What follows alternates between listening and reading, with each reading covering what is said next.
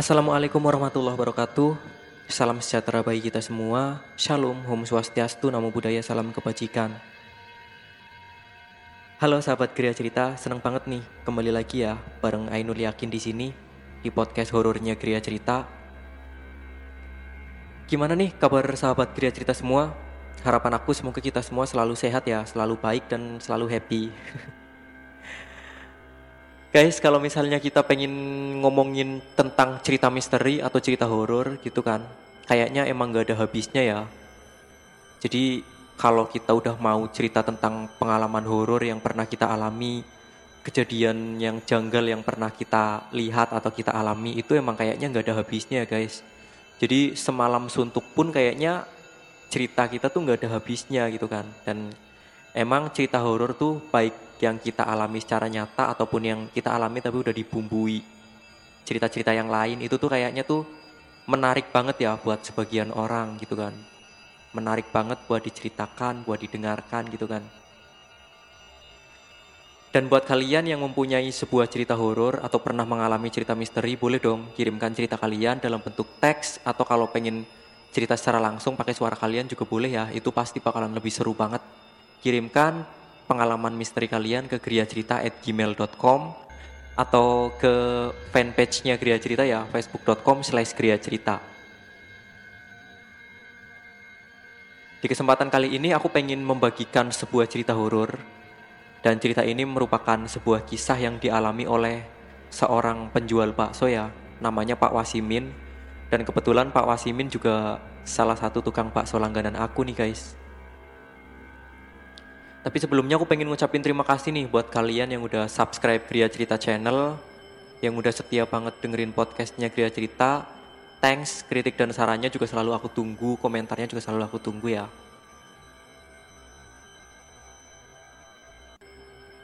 Oke, kita kembali ke cerita ya. Jadi, seperti yang udah aku bilang tadi, Pak Wasimin ini merupakan tukang bakso langganan aku. Dan beliau ini profesinya dari dulu banget emang seorang penjual bakso gitu ya. Mungkin dari beliau masih bujangan itu udah jualan bakso dan dulu Pak Wasimin jualan bakso di Jakarta. Waktu anaknya mau masuk SD anaknya kebetulan usianya sepantaran aku ya. Jadi waktu anaknya mau masuk SD Pak Wasimin pindah jualan di kampung ya. Kebetulan rumahnya juga deket aku satu desa sama aku. Dan karena aku langganan Pak Wasimin jadi kalau misalnya aku beli gitu apalagi belinya malam-malam gitu ya yang emang udah sepi pembeli gitu kan tengah malam gitu terus yang ada cuma langganan-langganannya doang kan yang makan bakso sambil melek di sana gitu. Biasanya Pak Wasimin suka menceritakan tentang kejadian horor yang beliau alami waktu beliau masih jualan di Jakarta. Sebenarnya cerita banyak banget sih tapi mungkin di kesempatan kali ini aku pengen cerita salah satunya aja atau mungkin dua cerita gitu ya yang menurut aku menarik banget buat aku share di sini.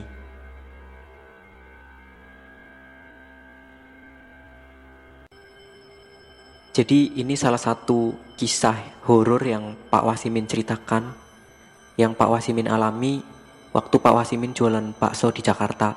Waktu itu Pak Wasimin habis pulang ke kampung halaman ya selama satu minggu. Dan selama satu minggu itu pula kan Pak Wasimin nggak keliling ya nggak jualan. Dan hari itu merupakan hari pertama kalinya Pak Wasimin kembali jualan lagi kembali keliling lagi. Sekitar habis maghrib Pak Wasimin berangkat dan malam itu kayak nggak seperti biasanya ya walaupun hari masih sore baru sekitar jam setengah tujuh tapi nggak seperti biasanya. Komplek perumahan yang biasa Pak Wasimin keliling itu sepi. Sepi banget. Jadi cuma ada dua atau tiga pembeli kemudian udah sepi. Padahal biasanya komplek ini rame banget dan banyak yang nunggu Pak Wasimin lewat karena di sini tuh banyak banget pelanggan Pak Wasimin. Karena emang jujur aku akui baksonya emang enak ya. Terus pikir Pak Wasimin ya udahlah mungkin karena baru keliling lagi jadi mungkin orang-orang belum pada tahu gitu ya tapi Pak Wasimin terus jalan mendorong gerobak baksonya sambil memukul kentongannya gitu ya Dan setelah Pak Wasimin memasuki komplek kayak semacam kos-kosan gitu ya atau rumah kontrakan gitu, di sana ada yang manggil Pak Wasimin. Dan saat Pak Wasimin menoleh ternyata emang yang manggil itu tuh salah satu pelanggannya ya, seorang cewek. Biasanya cewek itu ceria banget, tapi kali ini dia cuma jalan sambil nunduk, rambutnya yang terurai juga menutupi wajahnya gitu ya. Tapi Pak Wasimin bener-bener mengenali cewek ini merupakan salah satu pelanggannya gitu kan. Cewek itu menyerahkan mangkok, kemudian Pak Wasimin mulai meracik baksonya kan. Nah saat Pak Wasimin selesai meracik baksonya, kemudian menyerahkan bakso yang ada di mangkok ke cewek itu, ternyata cewek itu kan mengangkat wajahnya gitu ya, wajahnya kelihatan, ternyata wajahnya separuh hancur penuh darah gitu. Dan cewek itu langsung menerima mangkok yang diberikan sama Pak Wasimin terus langsung menghilang. Menghilangnya tuh bener-bener langsung lenyap langsung menghilang gitu. Wasimin langsung menyadari kan kalau wah gila tadi habis melayani makhluk halus gitu langsung menyadari seperti itu kan. Terus ada salah satu hansip yang mendekati Pak Wasimin. Ternyata Hansip itu dari tadi memperhatikan tingkahnya Pak Wasimin gitu ya. Katanya kenapa bang? Kok dari tadi kok itu apa uh, ngambil bakso dari panci terus dituang lagi ngambil bakso dari panci dituang ke mangkok terus dituang ke panci lagi. Emang ada yang salah ya? gitu katanya Hansip itu mungkin Hansip itu juga agak curiga juga ya dan Pak Wasimin langsung menjelaskan kan apa yang tadi beliau lihat gitu dan ternyata Hansip itu cerita kalau rumah kontrakan yang ada di sebelah sana yang biasanya ditempati sama si cewek pelanggan Pak Wasimin itu ternyata udah kosong karena cewek itu udah pulang ke kampung halamannya sekitar empat hari yang lalu. Jadi tadi yang dilayani sama Pak Wasimin emang bener-bener makhluk halus yang menjelma sebagai pelanggannya gitu ya. Terus ada cerita lagi yang diceritakan sama Pak Wasimin Oh iya, sebenarnya cerita Pak Wasimin ini selain takut juga bikin ketawa juga ya guys. Karena kalau dipikir-pikir iseng juga tuh hantu ya. Mentang-mentang udah bisa ngilang gitu kan. Pengen makan bakso gitu. Udah ada baksonya. Tinggal ngilang tuh nggak bayar. Kebetulan Hansip yang memperhatikan Pak Wasimin juga ngelihatnya cuma Pak Wasimin sendiri ya, nggak ada orang yang beli. Jadi Pak Wasimin yang masukin bakso ke mangkok nanti ditaruh lagi di panci gitu ya.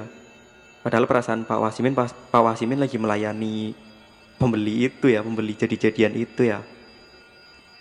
Kemudian cerita yang selanjutnya yang dialami sama Pak Wasimin lagi ini kejadiannya di malam yang berbeda ya dan ini kejadiannya hampir tengah malam nih guys. Sekitar setengah 12 malam ya kejadiannya. Jadi waktu itu Pak Wasimin lagi bersiap jalan pulang.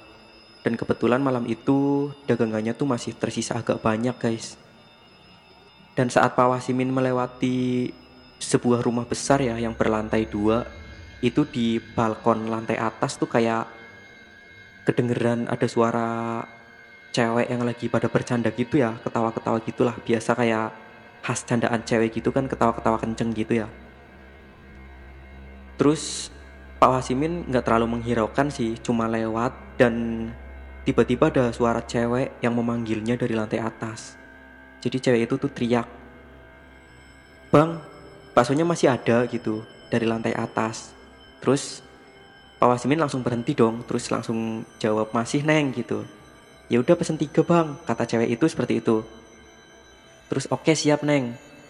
Dengan senang hati kan Pak Wasimin langsung meracik pesanan cewek itu tapi setelah tiga mangkok bakso pesanan itu siap, Pak Wasimin agak heran ya guys, karena salah satu cewek itu tuh nggak ada yang turun gitu kan.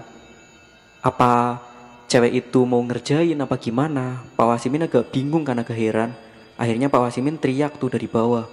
Neng, baksonya udah siap semua nih, katanya gitu. Terus terdengar jawaban dari atas, oh iya bang, tunggu ya.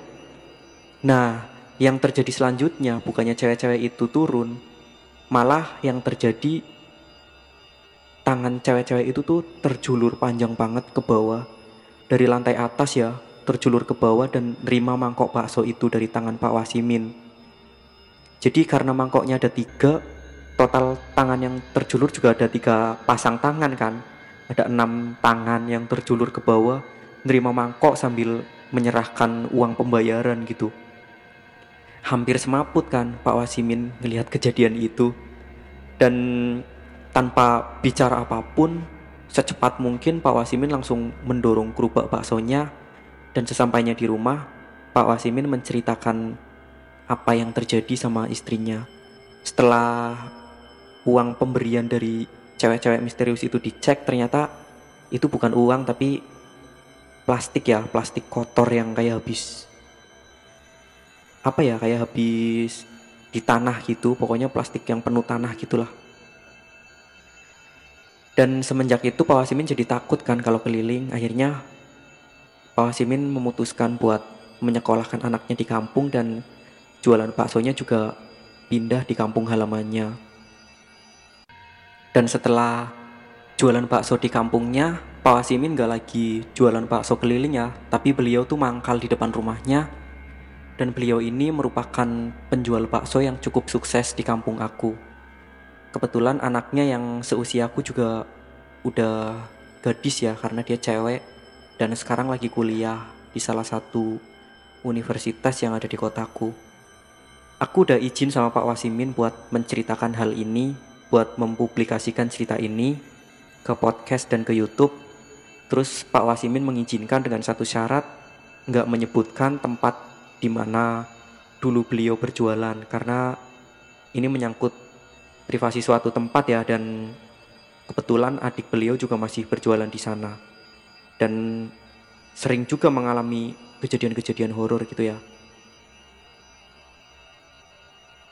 Dan mungkin kapan-kapan juga pengalaman horor dari adiknya Pak Wasimin bakalan aku ceritakan di sini ya. Tapi sayang sekali nggak boleh nyebutin tempatnya di mana. Yang jelas ini ada di Jakarta Pusat ya guys, tapi tepatnya di mana tuh nggak boleh disebutin di sini.